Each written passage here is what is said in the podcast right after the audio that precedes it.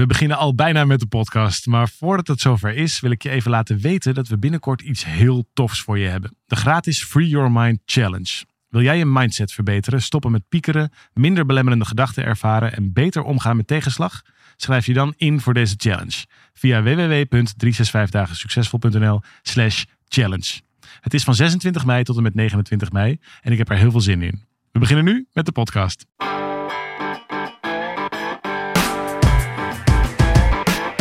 Van harte welkom bij deze podcast van 365 dagen succesvol. Wij zijn David en Arjan en we delen in deze podcast de eye-openers die cruciaal zijn voor een gelukkiger leven.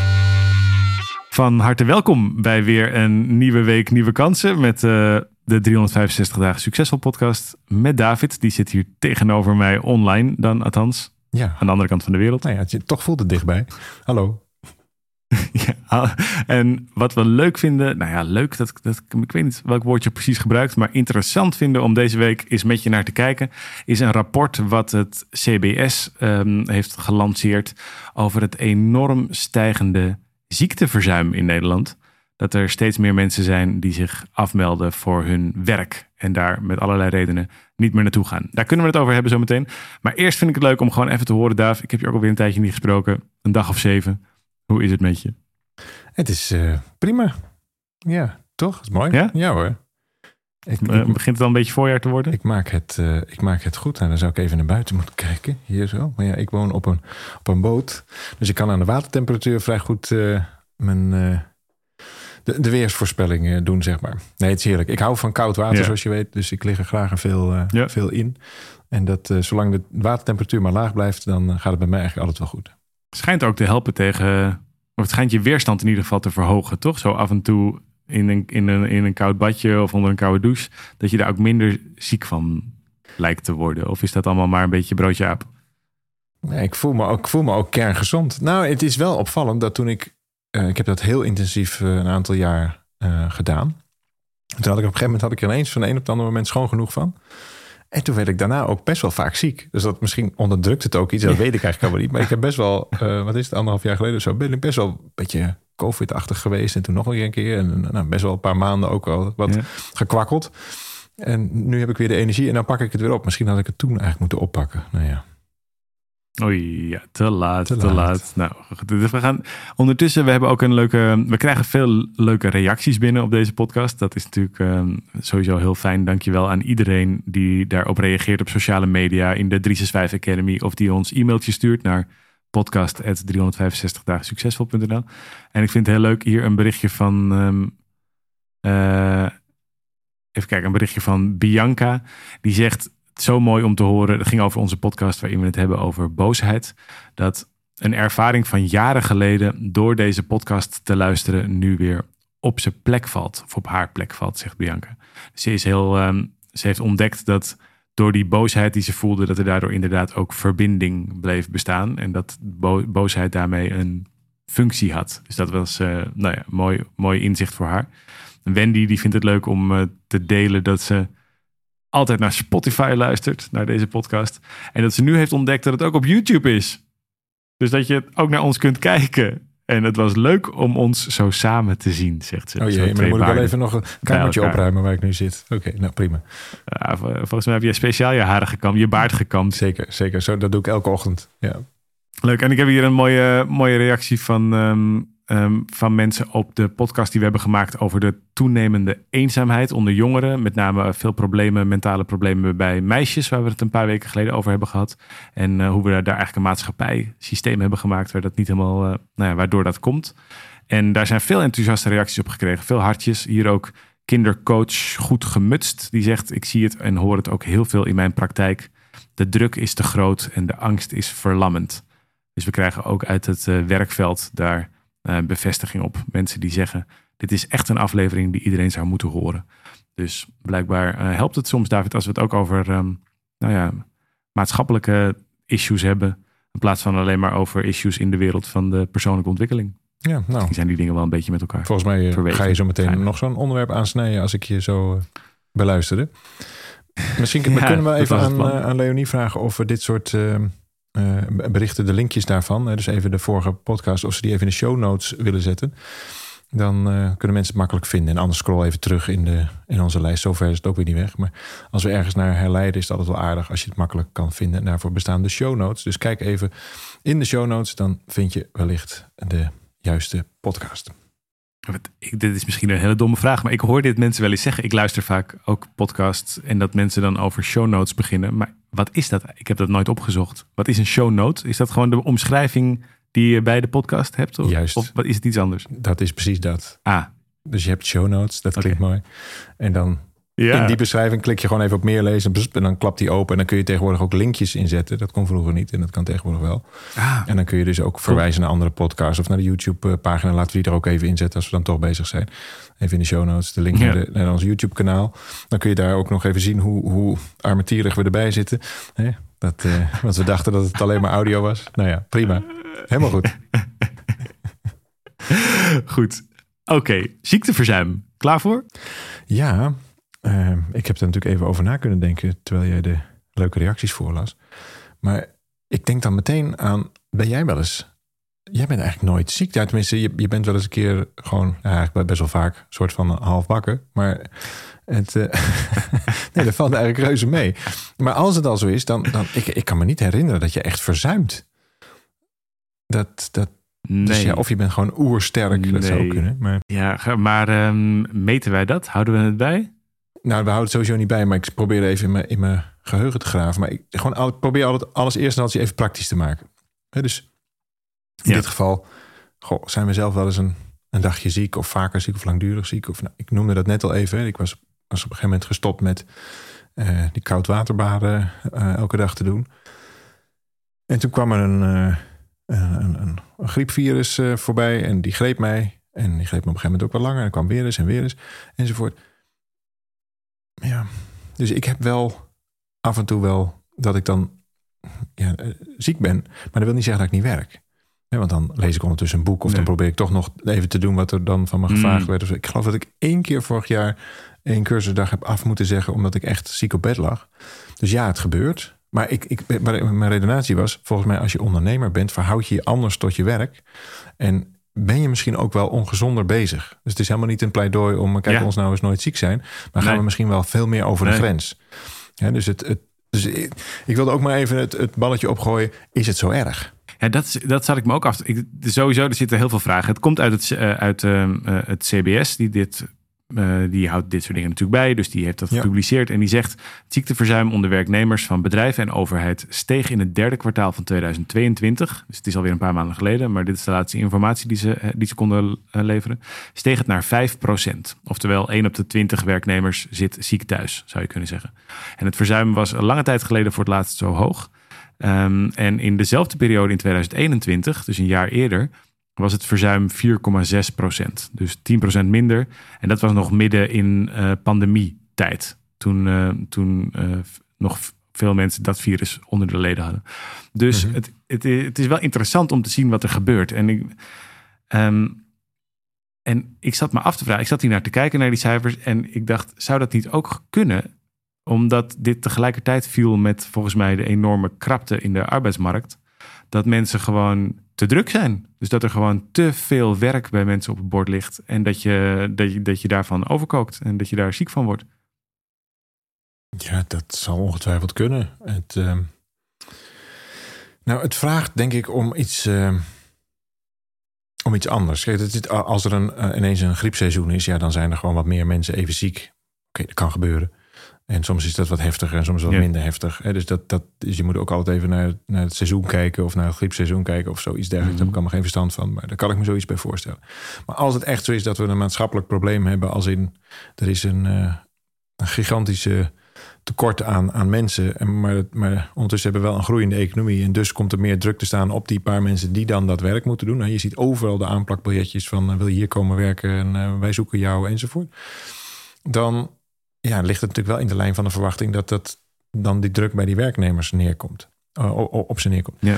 Maar dat vraagt dus eigenlijk om iets heel anders. Namelijk om een bepaalde mentale weerbaarheid. Of een, een bepaalde, je noemt het vaak dan een draagkracht. Dus dat je ja. dat, dat mensen ook leren om nou, dat te dragen wat ze kunnen dragen, dat eventueel sterker te maken, dat zou zeer zeker uh, een goed idee zijn. Maar op het moment dat mhm. je draaglast, hè, dus de, je krijgt gewoon meer op je bord in dezelfde tijd, ja, dan kun je er natuurlijk vergif op innemen dat het, uh, dat, dat maar heel beperkt uh, houdbaar is. En ik denk ook, dat is even met mijn lijntje naar, naar sorry, dan ben ik klaar. het lijntje naar ehm, de, de, hoe wij dat oplossen, door gewoon wel ziek te zijn, maar gewoon door te gaan. Dat is denk ik zo waar nog toxischer. Want als dat aan de hand is, dus je krijgt wel meer verantwoordelijkheid. Je voelt ook van ja, als ik het niet doe, dan doet niemand. Dus weet je wat, ik doe dit ook nog maar. Want dan, dan zou zelfs zo'n zo'n heel systeem kunnen instorten. Kijk, als wij een keer uh, uh, wat, wat ernstiger ziek worden, nou ja, dat is er maar zo. Maar dan merkt de wereld niet zo heel erg veel, veel van. Maar als dat nou ineens op hele grote schaal gebeurt, omdat mensen eigenlijk niet meer gewoon ziek durven zijn of kunnen zijn of mogen zijn, dan uh, is er ook nog wel nou, dat, dan, dan is de schade niet te overzien, zeg maar. Omdat het al zo krap is. Dus nou, misschien is het probleem nog wel groter ook. Nou, of dus juist niet. Dat vind ik dan wel interessant hieraan. Maar we zouden meer informatie moeten, daarover moeten, moeten hebben misschien. Maar wat ik me kan voorstellen is dat het normaler wordt om beter voor jezelf te zorgen. En precies die die giftige neiging om maar aan het werk te gaan en maar door te beulen, ook als het helemaal niet kan. Dat zorgt wel dat dit soort statistieken laag blijven. Maar ondertussen branden mensen veel sneller op en komen ze in uh, allerlei soorten burn-outs terecht. Of, uh, of uh, verbranden ze hun lichaam al op jongere, jongere leeftijd. Dus ik kan me ook voorstellen dat als we misschien ontstaat er langzamerhand, ook misschien wel bewust gemaakt door de hele coronapandemie, dat weten we natuurlijk niet. Maar ontstaat er een generatie die opstaat en zegt: Nou, als ik ziek ben, ben ik gewoon lekker ziek. Dan ben ik thuis en dan ga ik tijd nemen om beter te worden. Dus het kan ook positief, een positief teken zijn dat mensen eerder dat durven te, uh, nou, durven te laten gebeuren. Denk je niet? Nee, en, en, zeker. En in dat licht, uh, laten we ook weer heel dicht bij huis houden. Als wij dat dus zouden doen, jij en ik, dan worden we misschien mhm. ook wat minder lang ziek als het een keer wel heftig is. Want op een gegeven moment, als je niet luistert, zo simpel is het, dan gaat je lichaam natuurlijk gewoon harder aangeven van, oh wacht eens even vriend, nu drie keer doorgelopen, dan ga je wel even stil liggen. Oh, nu weer doorlopen, nu ga je helemaal stil liggen. Dus het is ook een beetje wie niet horen wil, moet maar voelen.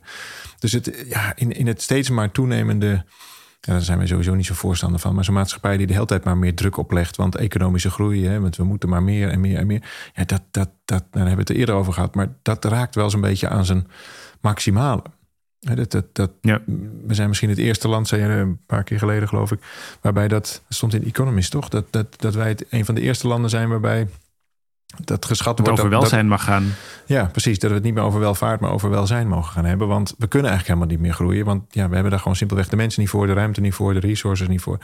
En toen dacht ik, ja, dat is wel heel tof. Want dan kun je jezelf dus ook dit soort dingen gaan afvragen. Dat er veel, een veel kalmer, uh, veel kalmer bestaan zonder dat je daarop in hoeft te leveren. Nou, en het brengt me op een, op een, op een toevallig. Ik vond het heel inspirerend, maar op een toevalligheidje bij ons in het bedrijf. Wij hebben ervoor gekozen, misschien heb ik het ook al eerder verteld, maar goed, hè, onderwijs is, eh, of de kracht van de herhaling is het onderwijs. Eh, dat, dat wij zijn gestopt met het hebben van een Q1, dus een eerste kwartaal. Dus het, het, mm We hadden vroeger altijd gewoon het jaar, zoals elk bedrijf natuurlijk, het ingedeeld in vier kwartalen. En dan maak je natuurlijk uh, een beetje plannetje voor wat gaan we de komende 13 weken dan doen. En dan afgestemd op zo'n jaarplan. Nou, we hebben al jaren zo'n structuur voor. En bij ons viel het op dat, dat het eerste kwartaal eigenlijk altijd een beetje zo'n hakken-zagen uh, kwartaal is. Dat mislukte ook eigenlijk altijd een beetje. Waarom? Omdat bij ons het vierde kwartaal echt het kwartaal is waarop het meestal moet gebeuren.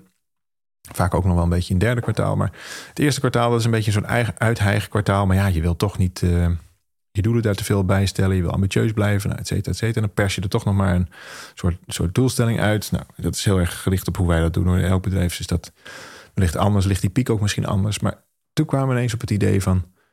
wat nou als we het gewoon helemaal niet doen?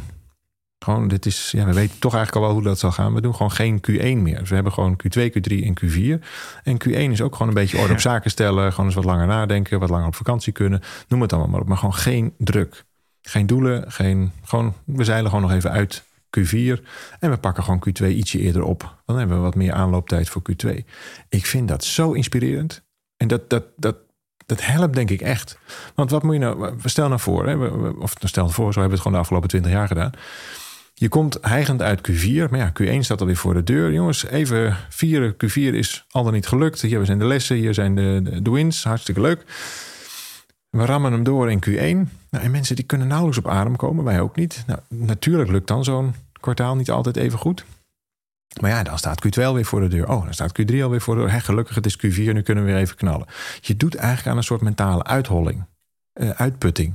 Ja. Waar is het moment van herstel? Waar is het jaar, in het jaar, het moment van herstel? Nou, dat wij ook een keer na 20 jaar het licht zien. Voor ons is dat nu Q1. Dat is gewoon een, het uitlopen van Q4. We hebben gewoon Q4 een paar weken extra gegeven. Want daar ja, moeten altijd nog wat dingetjes in, in, in afgerond. Want ook de kerstdagen zitten er nog tussen enzovoort. Dus we nemen gewoon nog een paar weken van januari. Dat is gewoon nog afronding Q4. En een paar weken in maart is dan het opstarten van, van Q2. Hartstikke leuk. En die tussenruimte die is gewoon om nou, is een boek te lezen, een cursus te, te volgen. Gewoon de lopende dingen te doen. Helemaal geen nieuwe ambitieuze dingen. Gewoon de lopende zaken op de rit. Ik vind dat, ik, ja, ik was er toch echt wel... Uh, ik merk echt bij mezelf ook de rust ervan.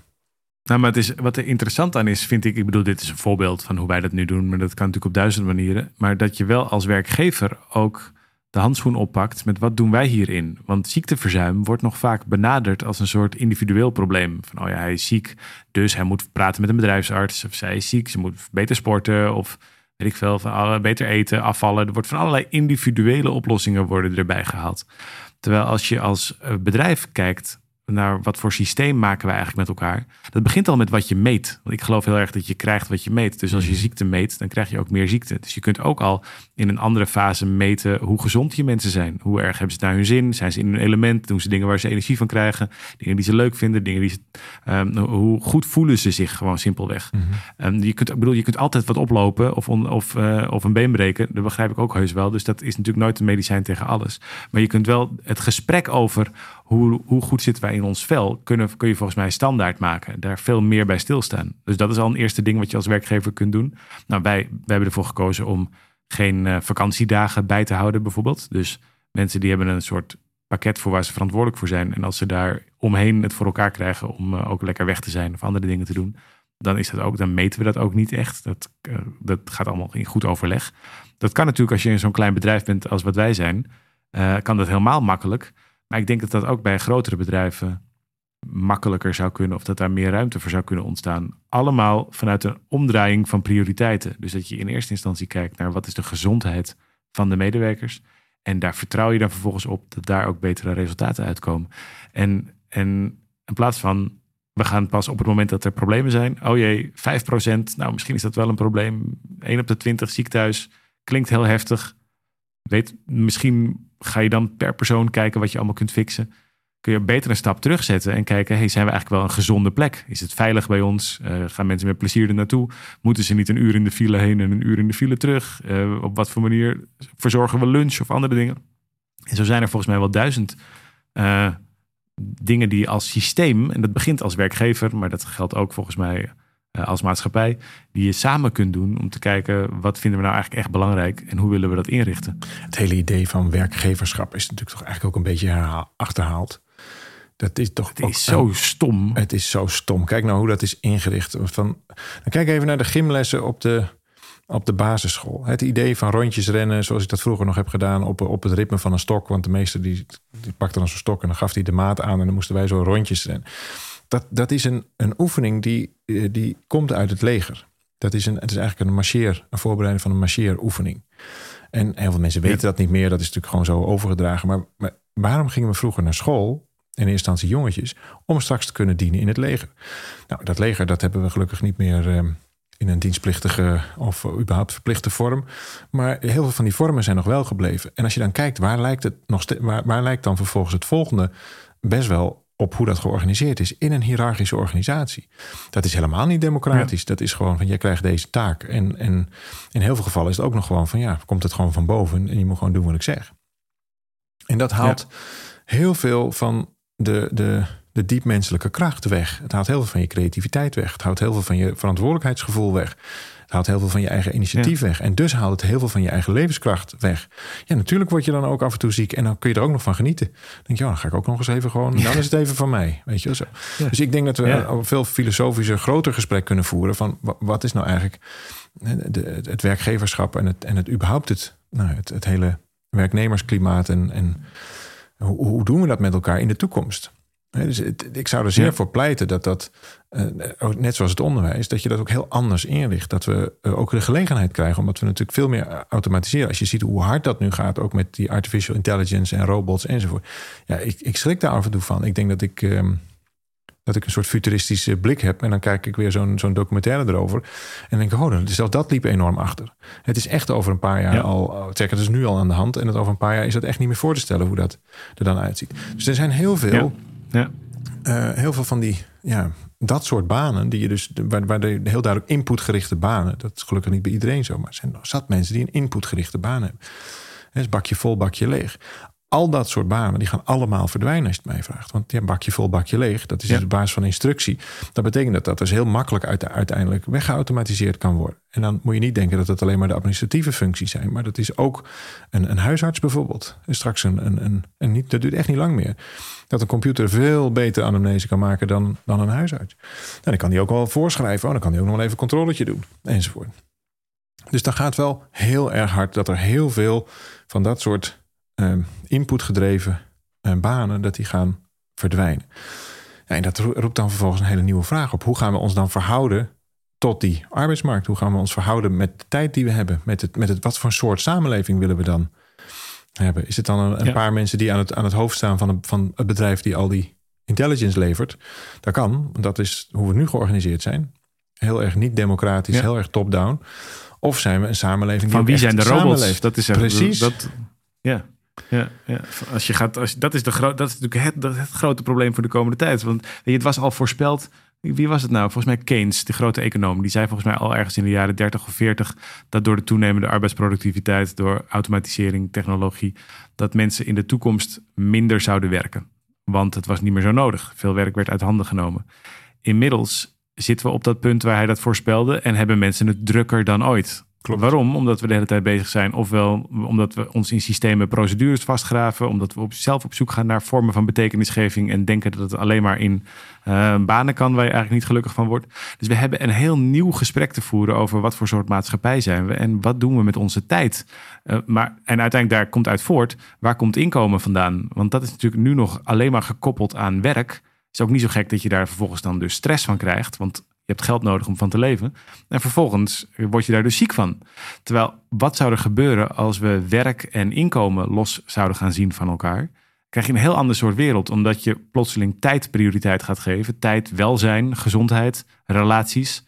Dat is hetgene wat prioriteit gaat krijgen. In plaats van maximale arbeidsproductiviteit en een bruto binnenlands product. Krijg je totaal ander. Dat kunnen we ons niet. Ik kan me nog niet eens een voorstelling bij maken over hoe dat zou moeten zijn. Maar ik geloof wel dat dat het gesprek is wat we moeten voeren. In plaats van hoe krijgen we die vijf stomme procentjes terug naar drie stomme procentjes.